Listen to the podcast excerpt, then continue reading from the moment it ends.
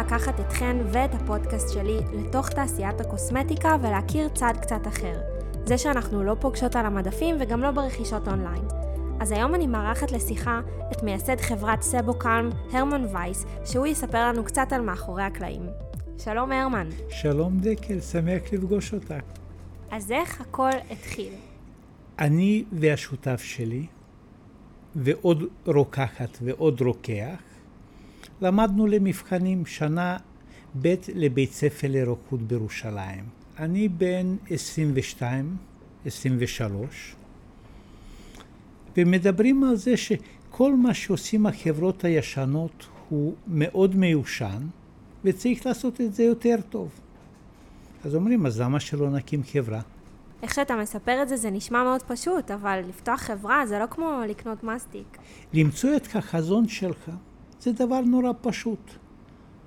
תמיד כששואלים איזה מקצוע הכי טוב לבחור, יש תמיד את הגילאים האלה שמה אני אעשה שאני אהיה גדול. תעשה משהו שכיף לך לעשות, שהיית מוכן לעשות את זה בחינם, ותמצא דרך להרוויח מזה כסף. וזאת הייתה התפיסה שלך בעודך רק בן 22. אני לא חושב שזה היה מגובש, אבל זו הייתה התחושה.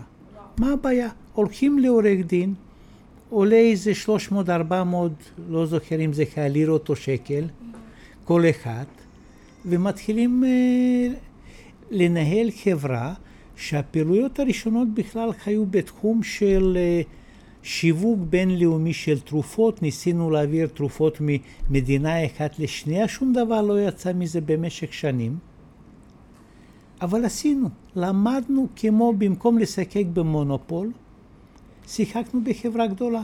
שבע שנים היינו נפגשים על בסיס שבועי וחושבים מה אפשר לעשות. כבר התחלנו לעבוד, כל אחד שכיר, התחלנו לחפש מה חסר בשוק, מה אנחנו יכולים לתרום, משהו שאין, אה, משהו שחסר, משהו שלמלא איזה צורך.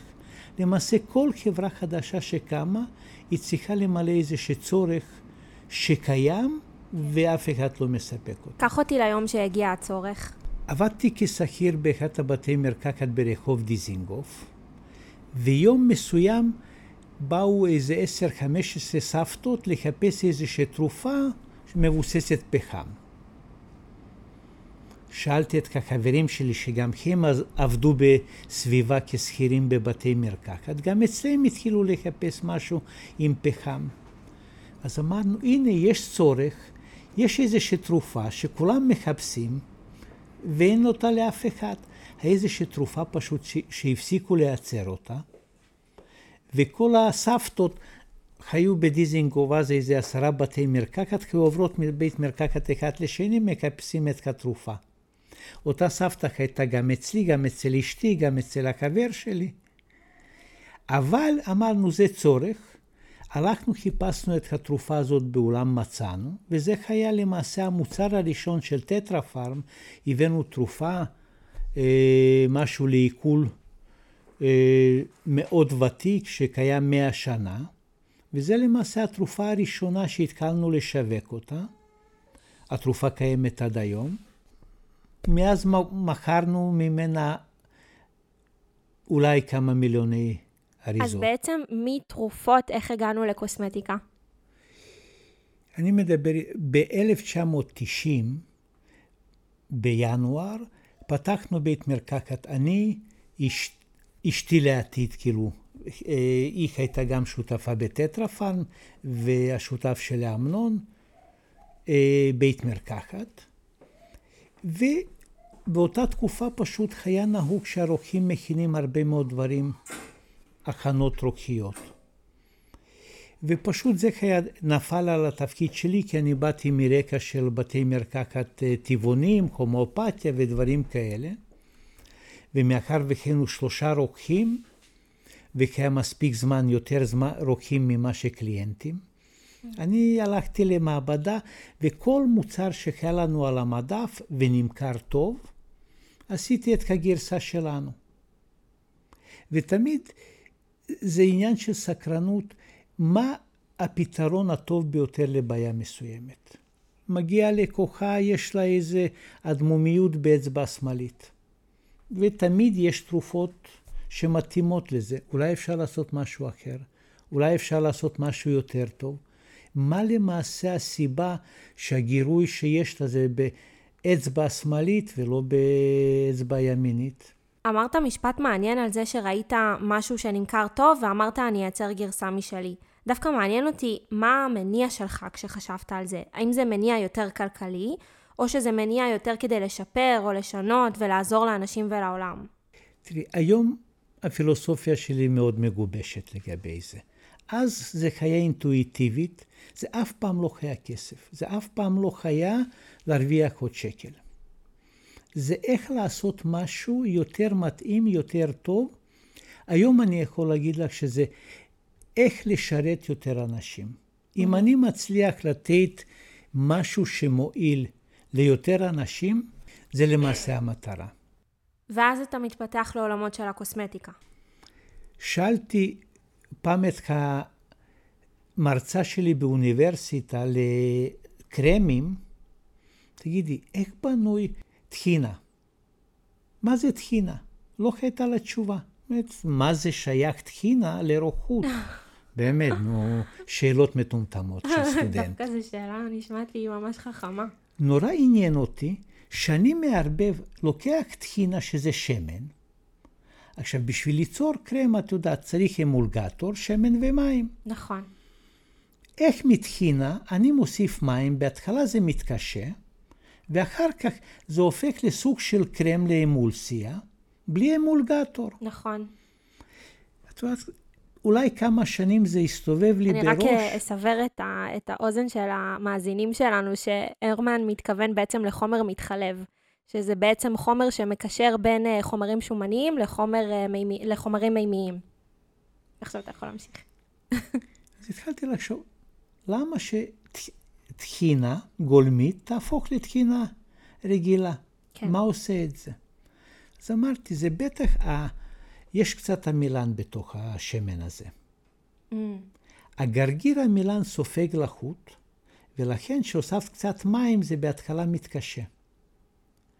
ואז כשאת מוסיפה עוד מים, זה מתהפך, הופך להיות לאמולסיה הפוכה, ואז את כבר יכולה לדלל עם איזה כמות מים שאת רוצה, ואת מקבלת איזשהו תחליב מאוד יציב. יש לנו מוצר כזה על המדף, שזה הקרם ניקוי שלנו, פחות מוכר, אבל זה מוצר שהוא למעשה תכשיר ניקוי ללא אה, אמולגטור, מה שהיום מאוד דומה למים מיסלריים, אבל בקרם. ואז יש לה גם מים, גם שמן. הטיפות שמן לוגדות את הלכלוך, והמים מסיר אותם. זה למעשה הקרם ניקוי שלנו, זה סוג של טחינה. אז רגע, אז איך טחינה נולדת? איך קרם נולד? האם זה מתחיל מהקהל, או שיושבים צוות של אנשים שחושבים על הצרכים? יש משהו מאוד מעניין בפיזיקה קוונטית, ולא הולך לסבך יותר מדי. בפיזיקה קוונטית יש אקסיומה. אם את מחפשת משהו, את תמצאי. יש את האלקטרון שכולם מכירים. אם את עושה בדיקה לאלקטרון שהוא חלקיק, את מקבלת תוצאות שזה חלקיק.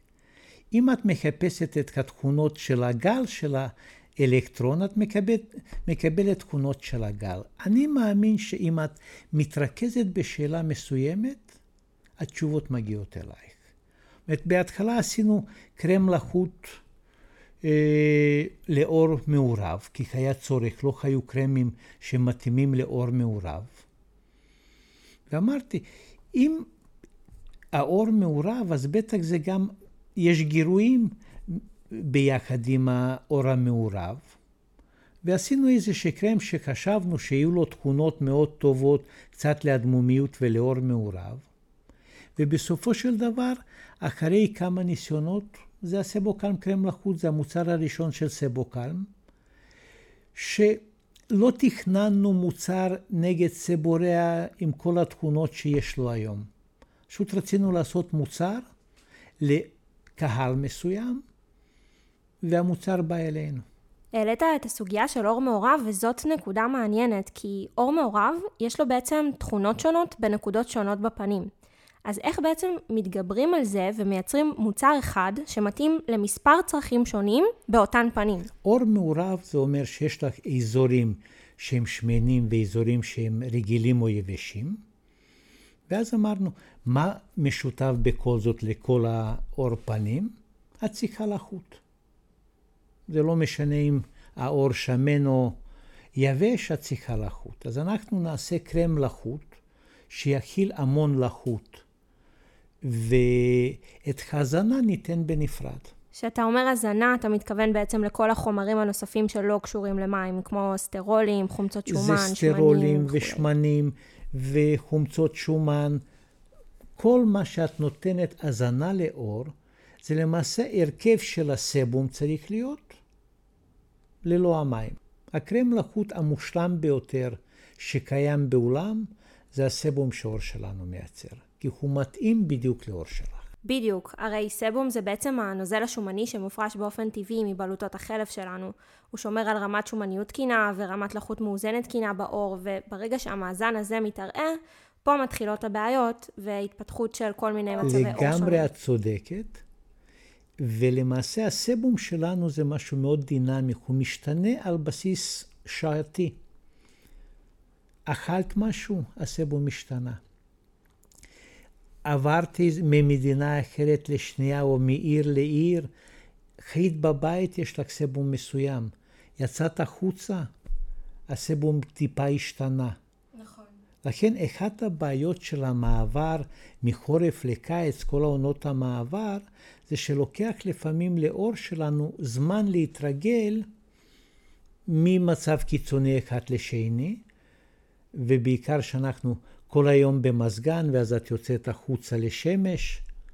לכן נוצרים הרבה מאוד uh, בעיות אור שקשורים עם הפרשת של הסבום, ולמעשה זה קשור עם אורך החיים שלנו. אני רוצה לקחת אותך לנושא קצת טעון, וזה עניין המחירים. זאת שאלה שעולה אצלי המון בקרב הקהילה שלי, למה המחירים של מוצרי הקוסמטיקה בארץ נוטים להיות יותר יקרים uh, בהשוואה למחירים מקבילים בחו"ל? אחד בכלל המאפיינים בעיניי של ישראלים, לטוב ולרע זה החמיצות שלנו. אנחנו לא מרוצים מהמצב הקיים. זה גורם לכך שאנחנו האומה עם החדשנות הגדולה ביותר. כי תראי לעצמך, אם היינו מרוצים מהכל, אין צורך לחדש. יש לך בית שנבנה לפני 200 שנה, למה לשנות משהו? הכל טוב. אבל אם את לא מרוצה, את כל הזמן מחפשת חידושים. וגם בצריכה שלנו, אנחנו כל הזמן משנים דברים. זאת אומרת, איפה זה בא לידי ביטוי בתמחור?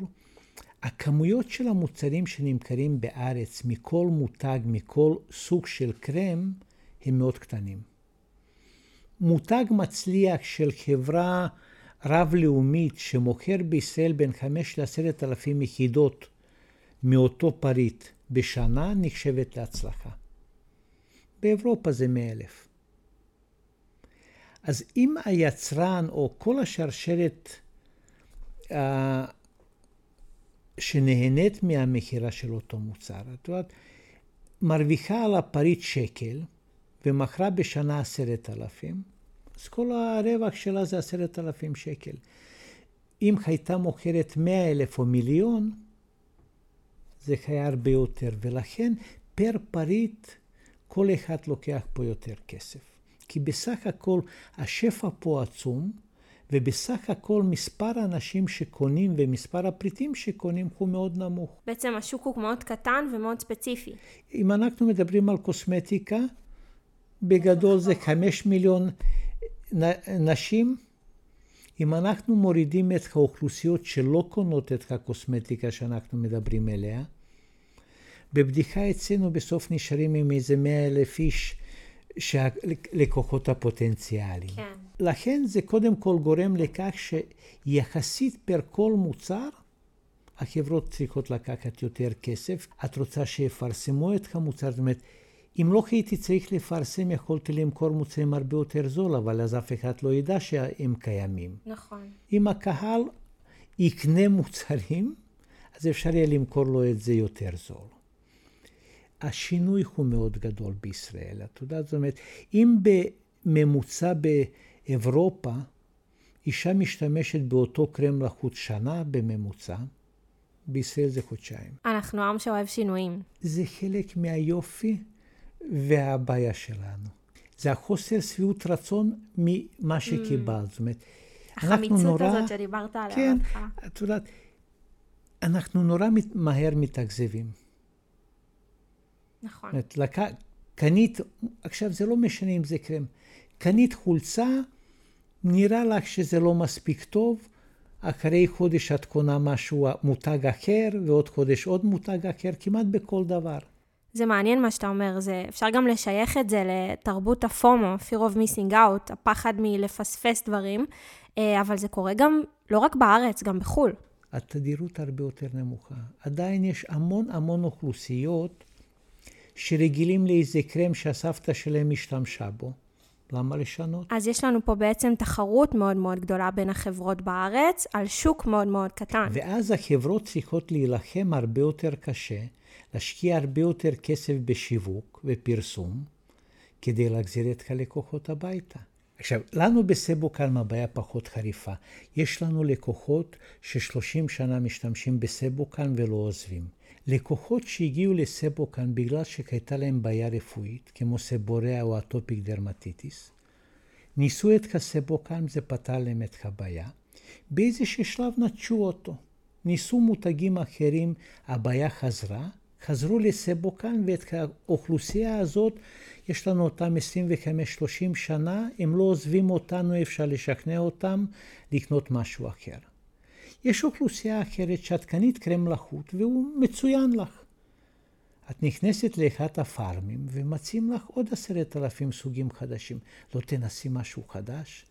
יצא משהו לפני שבוע, חם מהתנור, תנסי. טוב, נושא קצת אחר שמעניין אותי לדעת מה הדעה שלך לגביו, זה עניין הקוסמטיקה וסביבה. קודם כל, מה המחשבות שלך כשאתה מסתכל על חברות אחרות, גם על סבוקלם, ובאופן כללי, האם התעשייה הזאת היא מזהמת, ומה אנחנו יכולים לעשות כדי שהתעשייה הזאת תהיה פחות מזהמת ויותר ירוקה עבור העולם? זה נושא שקודם כל מעסיק אותי ואת כל התעשייה. זאת אומרת, קודם כל מדברים על זה, כי לפני 20 שנה, אם הייתי אומר למישהו עניין של אה, למגזר אריזות, לא היה מעניין אף אחד. אז המודעות מאוד עלתה. יש המון חברות שהן עדיין בתחום של אני רוצה למכור היום כמה שיותר אפקטיבי ומהר, לא מעניין אותי משום דבר. את יודעת מה, רוב התעשייה בעולם, אני מדבר איתך על חברות ענק, זה האסכולה שלהם. כמה שלמכור יותר ביותר רווח, לא מעניין אותנו שום שאלה נוספת. איפה נתקלתי בזה? אנחנו הרבה מאוד הסתובבנו בקוריאה, שזה אחת המעצמות קוסמטיקה בעולם.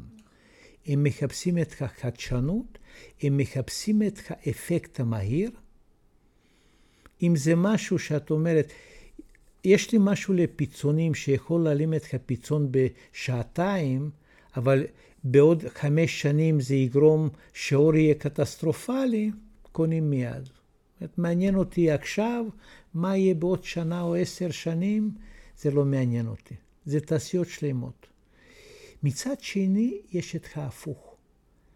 כל החברות שאומרות, אני רוצה לתת מוצר מאוד ידידותי לסביבה, אני קודם כל רוצה לא להזיק עם המוצאי קוסמטיקה. אחר כך אני רוצה לעזור, ואני גם רוצה שאחרי ששטפת את הקרם, בכיור הוא לא יגרום נזק בביוב, לא יהרוג את כל החי שיש.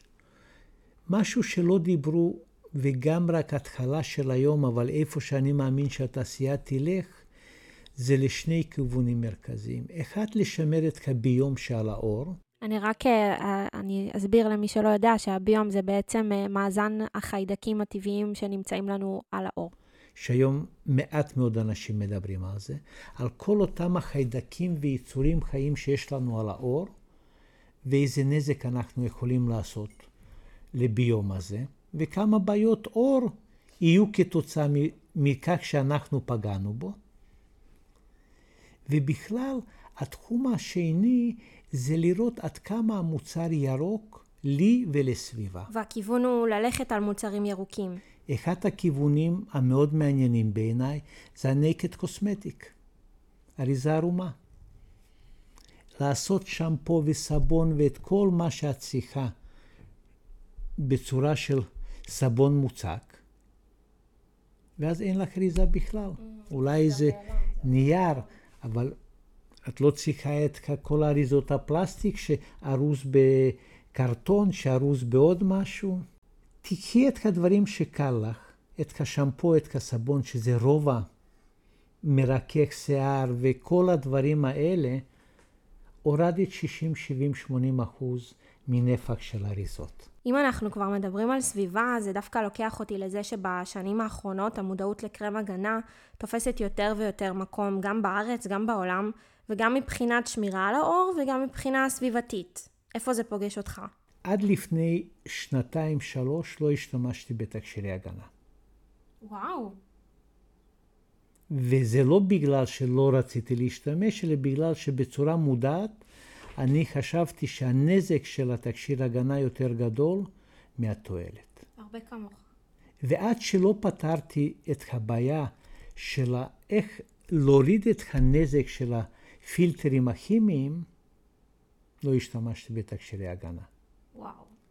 היום יש לנו פתרון, אני לא רוצה לעשות כרגע פרסום, אבל גם כן על ידי מחשבה, מה, מה מפריע לי בתקשירי הגנה, פתרנו את הבעיה, איך אפשר להשתמש בצורה בטוחה גם לעצמי וגם לסביבה. גם הידע שלנו על תקשירי, על הפילטרים, את יודעת, משתנה. מה שחשבנו לפני חמש שנים זה מאוד שונה. נכון. מה שחושבים היום. זאת אומרת, יש נכון התפתחות בתחומים.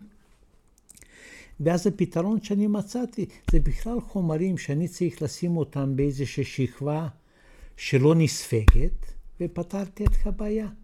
כי אין שום תועלת שתכשיר הגנה ייספג, הוא לא צריך להיות אצלי במחזור הדם, הוא צריך להישאר על האור. אגב, אני ממש ממליצה לך לקרוא את המחקר שעשיתי על אה, מסנני קרינה, על כל מסנני הקרינה שיש בעולם. קראתי. אה, כבר קראת? בוודאי. אז... באתי מוכן. זה, תקשיב, זה גם יכול לעזור לאנשים נכון. שמייצרים uh, מסנני קרינה. לחלוטין. יש כל כך הרבה מסננים, מעל ל-40 מסנני קרינה. על כל אחד יש לפחות מחקר אחד, ובכלל, זה כל הזמן משתנה ומתעדכן. המדע משתנה ומתעדכן כל הזמן, ואיך שאני רואה את זה, זה גם חיסרון, זה גם יתרון. יתרון כי אנחנו יודעים יותר ככל שעובר הזמן, מצד שני, זה גם מקנה קצת חוסר ידיעה לגבי המצב הנוכחי. האם מה שאנחנו יודעים הוא באמת נכון או ישתנה. זה כבר פילוסופי, אבל בסופו של דבר צריך לזכור ש... אני רוצה להרגיע ככה את מי שמאזין לנו, שרכיבים שיש עליהם הצהרות רעות בקוסמטיקה, אה, זה לרוב מבוסס על ריכוזים מאוד גבוהים שאותם חקרו, וצריך לזכור שאנחנו משתמשים ברכיבים בכמויות באופן יחסי קטנות. לגמרי נכון. ובכלל, זאת אומרת, זה גם מאוד תלוי, כל אדם שונה מהשני. שוב, אם הייתי צריך לעבוד כמציל בים, אז בוודאי שהייתי משתמש בתקשירי הגנה. זאת אומרת, יש מקצועות שאי אפשר אה, להסתדר בלי זה, אבל פשוט תמיד לשאול שאלות. אם מציל בים חייב להשתמש בתקשירי הגנה יום-יום ולחדש אותו מספר פעמים ביום, מישהי שעובדת במשרד, אולי צריכה פחות הגנה. זאת אומרת, כל אדם שונה, כל אחד צריך להתאים את הדברים לעצמו. זה גם תלוי במידת האכפתיות שלך מ- מרמת ההזדקנות של האור. זאת אומרת, אני מציל בים, יותר אכפת לו מלשמור על האור שלו מפני סרטן האור, אבל כש, כשבחורה במשרד, אז אמנם הסיכון אה, לסרטן העור ואתה יודע, שיזוף במשרד הוא ממש נמוך, אבל מצד שני, הקרניים של השמש, הקרני UVA יכולות דווקא לפגוע ב... אה, בעור שלה מבחינה קוסמטית. מסכים לגמרי, ולכן צריך כל אחד להתאים לעצמו את כל התקשירי הגנה, מזון וכל דבר. זאת אומרת, את יודעת, אחת הטעויות הכי גדולות של אנשים, אם מלפפונים זה דבר בריא, אז לכולם זה בריא. Mm. לא, יש אנשים שזה לא בריא להם. אז את יודעת, ככה לכל דבר.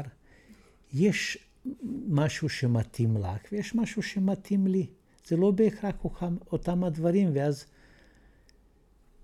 צריך פשוט לשאול שאלות ולראות מה מתאים לך, מה טוב לך, ולהתאים את המציאות שלך לעצמך. זאת אומרת, אנחנו חושבים שאנחנו מסתכלים על העולם וזה כל העולם. אנחנו תמיד רואים רק איזה היבט מאוד קטן ממנו. זה בדיוק כמו משל הפיל. למי שלא מכיר, אני אספר את המשל. מספרים על פיל שהכניסו לתוך חדר חשוך, ומבקשים מחמישה עיוורים, שאף פעם לא ראו פיל מימיהם, לתאר מה הם רואים. אז אחד נוגע ברגל, והוא בטוח שהפיל הוא עמוד. אחד נוגע בחדק, ובטוח שהפיל הוא בכלל נחש. אחד נוגע באוזן, ומתאר את הפיל כעלה. וכל אחד נורא בטוח בעצמו, הם מתווכחים ביניהם, כל אחד בטוח במאת האחוזים בעצמו, כל אחד בטוח באמת שלו, שהיא אחת ויחידה, וככה נראה פיל. אה, למרות שבפועל כולנו יודעים שהאמת היא אחרת. אז uh, המשל הוא שאנחנו רואים רק חתיכה קטנה מכל העולם, ובטוחים שהיא האמת שלנו. וזה מביא, מביא אותי לשאלה האחרונה, uh, למשהו שאולי רק אתה רואה, אם יש לך איזשהו רעיון למוצר החלומות. יש כמה, אבל זה מוצר שהוא שומר על הביום, ומוצר אחד שנותן פתרון כמו שגברים אוהבים. מרחת אחד, קרם לחות, קרם הגנה, אה, הכל ביחד. מוצר אחד, היום על מה שאני עובד, זה מוצרים שישמרו על הביום. זה מאוד חשוב בעיניי, גם בתזונה, גם על האור ובכלל. תחשבי, עצם זה שאת נכנסת ל... הפסקתי ללכת לג'קוזי. מה הקשר של ג'קוזי עם האור? רמה גבוהה מאוד של כלור משמידה את הביום. Mm-hmm. אז אני עושה סאונה כל יום, מוותר על ג'קוזי. עכשיו, את יודעת, זה ב... תמיד את צריכה לוותר על משהו בשביל לקבל משהו אחר. לא יכולה בו זמנית לקבל הכל. אז לדעת מה חשוב לך, מה את רוצה לאכול. כל פעם שאת אוכלת משהו, את מגדלת חיידקים אחרים במערכת העיכול שלך. זה משפיע על הכל. אין ספק שיש קשר ישיר בין התזונה שלנו לבין מצב העור שלנו. הרמן וייס, מייסד סבוקלם, היה לי תענוג לשוחח איתך. אין ספק שלמדנו משהו חדש על תעשיית הביוטי והסקינקר שאנחנו כל כך אוהבות. תודה רבה. תודה רבה דקל, מאוד נהניתי מהשיחה.